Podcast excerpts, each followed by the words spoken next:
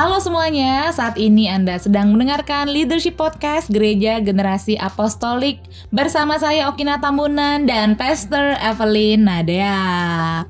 Kita Hai, lanjutkan Pastor hai, ya. hai, yeah. Em, episode yang baru ini masih seputar hashtag GGApedia. Satu istilah yang kita mau perkenalkan dan diskusikan hari ini adalah istilah yang sangat menolong sekali khususnya di masa-masa krisis saat ini. Kita tentu saja tidak mungkin kita bisa bertahan sendirian.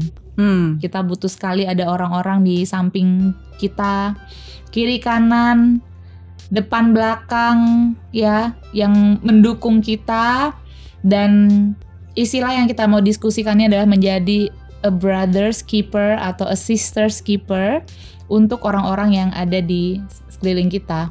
Waktu itu Pastor Rif pernah mengingatkan berapa bulan yang lalu, coba lihat di kiri kanan kalian. Coba tanya mereka, "Are you okay?" Mhm. Siapa tahu ternyata salah satu dari mereka sedang dalam keadaan hampir tenggelam. Hmm. Jadi di- kita diingatkan diingatkan lagi satu hal kita ada tantangan sendiri tapi tidak berarti kita jadi tidak memikirkan orang lain juga. Em, dan saya rasa sosok yang benar-benar menghidupi menjadi seorang penjaga saudaranya ya atau brother's keeper adalah Pastor Eve. Bagaimana saya juga melihat dan teman-teman dekat juga melihat Pastor Eve adalah seseorang yang committed berkomitmen untuk em, menjadi penjaga untuk pemimpin seniornya Apostle Indrigo Utama dan pasti juga tidak mudah.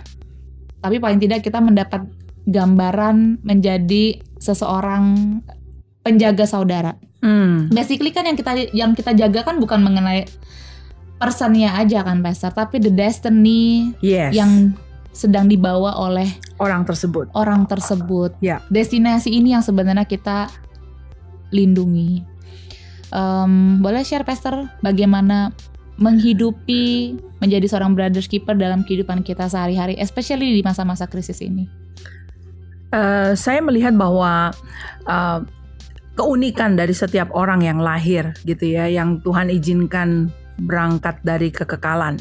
Ya, jadi kalau kita eh, kembali kepada apa yang ditulis oleh pemazmur ya, eh, in one of the psalm it says that um, bahwa ada pemanah dan ada anak panah, lalu ada tabung panah. Hmm, Ya, jadi ada seorang pemanah agung yang mengeluarkan anak-anak panah itu dari tabungnya, lalu kemudian eh, meluncurkannya. Saya percaya bahwa pemanah agung itu adalah Bapak kita sendiri, Bapak surgawi. Dan dia tahu when to release anak panah itu. Makanya kejadian kita, kelahiran kita itu dahsyat dan ajaib. Kapan kita dilahirkan, itu juga termasuk kejadian yang ajaib ya ya that we are given this specific time. Now, dan berangkat dari pengertian bahwa kita dirilis atau dilepaskan oleh sang pemanah agung itu on a designated time to accomplish a specific task with a clear destiny. Jadi dia sangat mindful dengan itu semua gitu loh. Ya, Hidup kita bukanlah ek- eksperimen buat Tuhan. Ya, even though some people think that way, but God will never toy with our life. Dia punya clear purpose untuk kehidupan setiap orang. Nah, karena itu dari situ juga saya memaknai bahwa perjumpaan-perjumpaan yang Tuhan izinkan terjadi dalam hidup kita is also uh, has a purpose.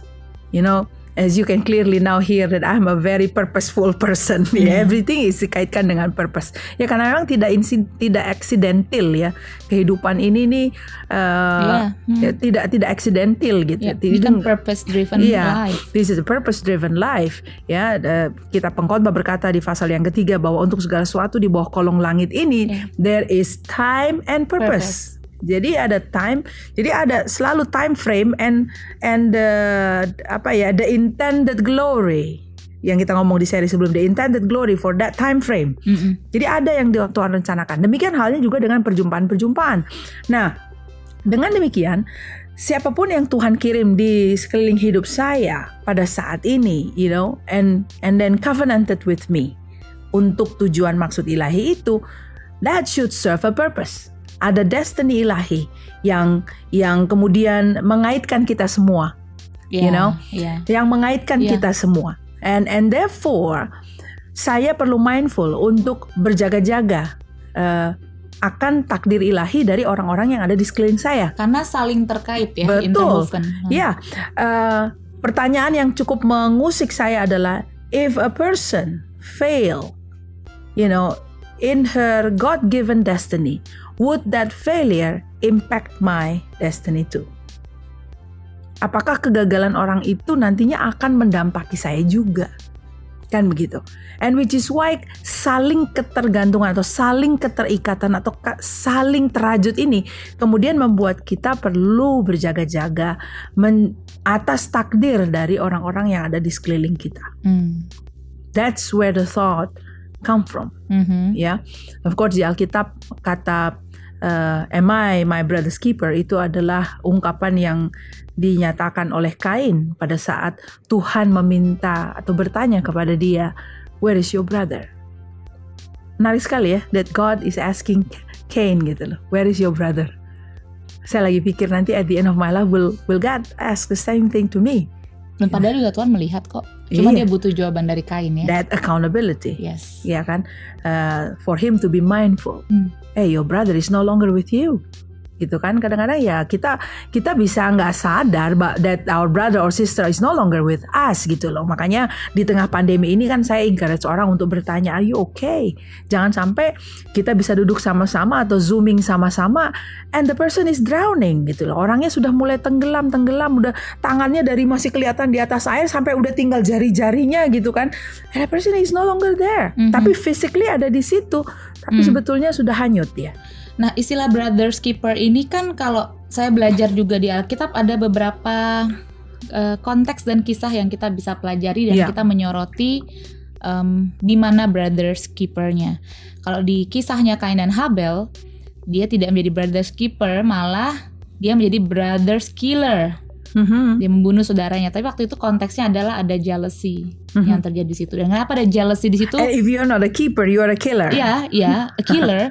Kenapa ada jealousy di situ ya karena em, maksudnya gini, saya angkat ini dalam dalam bekerja sama, berkomunitas, isu-isu jealousy kan juga ada pastor. Iya, iya. Dalam bersaudara. Sibling rivalry namanya itu. Nah, ini. Pertengkaran eh, saudara-saudara ya, kakak Ya. adik. Ya. Jadinya memang kalau tidak paham konsep brothers keeper karena tadi yang kita mau perjuangkan destinasi orangnya. Kita Ya. sedang tidak berkompetisi karena di episode sebelumnya kita sudah mendiskusikan we have our own course. Course.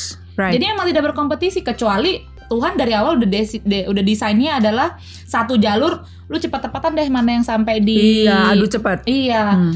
Malah enggak, kita It's berkompetisi dengan of, ya betul. Iya, jadi em, ini juga yang kalau buat saya juga saya perlu pelajari dalam em, isu-isu kepemimpinan juga akan ada juga isu-isu seperti ini. Mhm. Ada iri hati di sana, saling comparing jadinya. Mhm. Jadinya tidak lagi sehat, malah nanti cenderung mencelakakan. Mhm. Padahal brothers. Ya, ya. Nah, ada konteks lain yang lain lagi yang kita bisa lihat juga di Alkitab bagaimana Daud dengan Yonatan. Mhm. Nah, itulah cerminan yang mungkin yang bisa kita tiru ya Ya, ya. saling menjaga destinasi satu dengan yang lain. Oh, notabene yang satu crown prince ya. Ya, nah itu juga sebenarnya Dia- sebetulnya kan dia crown prince, Crown but prince ya. also he he he, uh, Tapi- he knows that um, Tuhan memilih Tuhan memilih. Daud sebagai Daud. raja atas Israel. Ya, right. Dan dia bisa terima destinasi itu. Ya. Yaitu Dan memperjuangkan dan destiny. memperjuangkannya, melindungi destinasinya even. Ya, with the risk of risking his life. Ya. Nah, berikutnya tadi kita sempat ngobrolin mengenai Petrus Aha. kepada Yesus. Wah, Mhm. ini sih langsung nekat banget ya mau kasih nyawanya untuk melindungi brothernya. Itu bisa ekstrim yang seperti itu juga ya, Pastor ya. Ya. Jadi benar-benar Alkitab tuh menggambarkan berbagai macam setting Mhm. untuk kita bisa belajar dalam hidup ini nanti akan ada setting-setting relasi seperti apa yang akan dihadapi. Ya. Gimana kalau dari pasar sendiri apalagi yang bisa kita soroti mengenai brothers menjadi a brothers keeper ini? Ya, eh, tadi kamu sebutkan mengenai Petrus ya dan bagaimana Petrus menyatakan bahwa eh, dia akan menyertai Yesus ke penjara. nggak akan sampai mati gitu. And it clearly the expression of love dalam diri Petrus adalah I would die for you, I would protect you gitu kan. Tanpa menyadari atau mengukur, really can you actually protect uh, protect Jesus? If you're not clear, kalau kita nggak clear dengan destiny kita, kita tidak clear dengan apa ya identitas diri kita dalam Tuhan, we cannot protect anybody, let alone protecting protecting Jesus, gitu ya. Karena setelah itu terjadi penampian, Iya. Ter- setelah itu terjadi Ada pengujian, ya. Dan dan but but but Jesus said, "Don't worry, I've prayed for you." Aku telah mendoakan kamu. So that is the thing yang yang kita lihat ya bahwa semulia atau senoble apa yang kita ikrarkan dan aku akan berdiri buat kamu. We have this great intercessor yang mendoakan kita. Iya. Because with our own strength kita tidak akan bisa gitu loh untuk berdiri men- menjaga destinasi, Destinasi orang. lain. Hmm. We cannot rely on our own- own strength gitu loh. Kita lah yang tahu. Kadang-kadang kan kata-kata kita juga sering kali tidak terukur ya. Nah, we say things and we meant well, tapi bobot dari kata-kata itu kita sering kali belum teruji gitu. Mm, mm, mm. Untuk mengembangkan untuk mengembangkan hati yang seperti itu, Pastor, em, apa yang Pastor bisa kasih advice juga kepada kita? Sometimes jadinya kalau kita bisa milih antara diri kita dan orang lain, kan kecenderungan kita menyelamatkan diri sendiri. Eh, antara self love dengan menyelamatkan diri sendiri juga kita, saya rasa perlu ada pembedaan juga ya Hmm. karena ya kita juga nggak bisa menyelamatkan orang lain kalau kita tidak bisa menyelamatkan diri kita dulu tapi untuk em, bisa memiliki hati berdiri untuk destinasi orang lain itu Pastor apa yang Pastor bisa berikan eh, saran atau nasihat buat kita nih para pemimpin-pemimpin muda. Justru melindungi proteksi bukan malah saling berkompetisi maksudnya. Mhm. Uh, untuk untuk um, the idea to compete ya, the idea to compete itu bagi saya sendiri menyelesaikannya adalah dengan perkataan Firman Tuhan yang I finished my course Hmm. ya. Jadi clearly setiap orang itu um, dilahirkan unik, dia punya course sendiri-sendiri. Benar-benar ini individual individual course yang Tuhan uh, desain sedemikian rupa dan which is why uh, kita cuma satu di antara sekian miliar orang yang menghuni planet ini gitu kan. Sebelum kita belum ada orang seperti kita dan setelah kita tidak akan ada lagi yang seperti kita. Mm-mm. Jadi benar-benar sangat spesifik gitu loh. So that idea of competition itu harus clearly out of the itu harus kita singkirkan. Ya, so I am a strong advisor for that because you can only be beautiful when you are you. you That is you in the word beautiful. Be you beautiful. Hmm. Jadilah dirimu yang sesungguhnya. Kamu cukup kok gitu ya. And you are beautiful. ini bisa mengatasi Just the way you isu-isu insecurity jadinya Ya, Hmm. ya. Nah, when we have that strong identity, you know, we we have we are strong in that. Kita bisa berdiri untuk memproteksi uh, destiny Hmm. orang lain gitu loh. Jadi kalau urusan nama diri kita sendirinya masih belum beres, Hmm. ya memang bagaimana mau memproteksi? You be competing. akhirnya membunuh Iya, Hmm. ya. You be competing gitu loh. Oke, jadi em, find your true self, Right. temukan dirimu yang sejati, dan dari situlah kita bisa menjadi sosok dan pribadi yang cukup bijaksana and strong enough untuk menjadi penjaga destinasi untuk saudara dan saudari kita. Ya. dan saling tolong menolong menanggung bebanmu apalagi di masa-masa sulit seperti ini saya rasa kita udah berapa kali ya Pastor ya selalu mendiskusikan jangan jalan sendirian jangan kerja sendirian sometimes orang juga jadinya nggak butuh ditolong padahal pertolongan Tersedia. tersedia gitu Everywhere. nah ini berarti isu apa lagi nih Pastor Itu bodoh nekat ya. Aduh, itu kalau kita ada apostle di sini dia akan bilang baju merah warnanya. iya, padahal satu hal kita udah menjadi brothers keeper, tapi ternyata in life ya kita juga bisa temukan juga ya ada orang-orang yang ternyata kamu sebenarnya butuh pertolongan Mhm, gitu. mhm, mhm. Jadi ya sangat kompleks lah dalam hidup ini, namun saya dorong em, para pendengar untuk kita terus mengembangkan otot-otot menjadi penjaga destinasi saudara dan saudari kita karena ternyata destinasi kita sangat terkait dengan destinasi orang tersebut. Faktanya Tuhan mengizinkan kita saling berpapasan dalam hidup ini pasti Ada sesuatu kan? ada yang sesuatu ingin ya nggak capai, mungkin setiap pertemuan tuh Tuhan izinkan tidak ada. Tidak ada maksud. tidak ada maksud dan tujuan di sana. Jadi yang kita tangisi sendiri adalah waktu orang tersebut atau diri kita quit on each other em, yang kita tangisi adalah destinasi itu.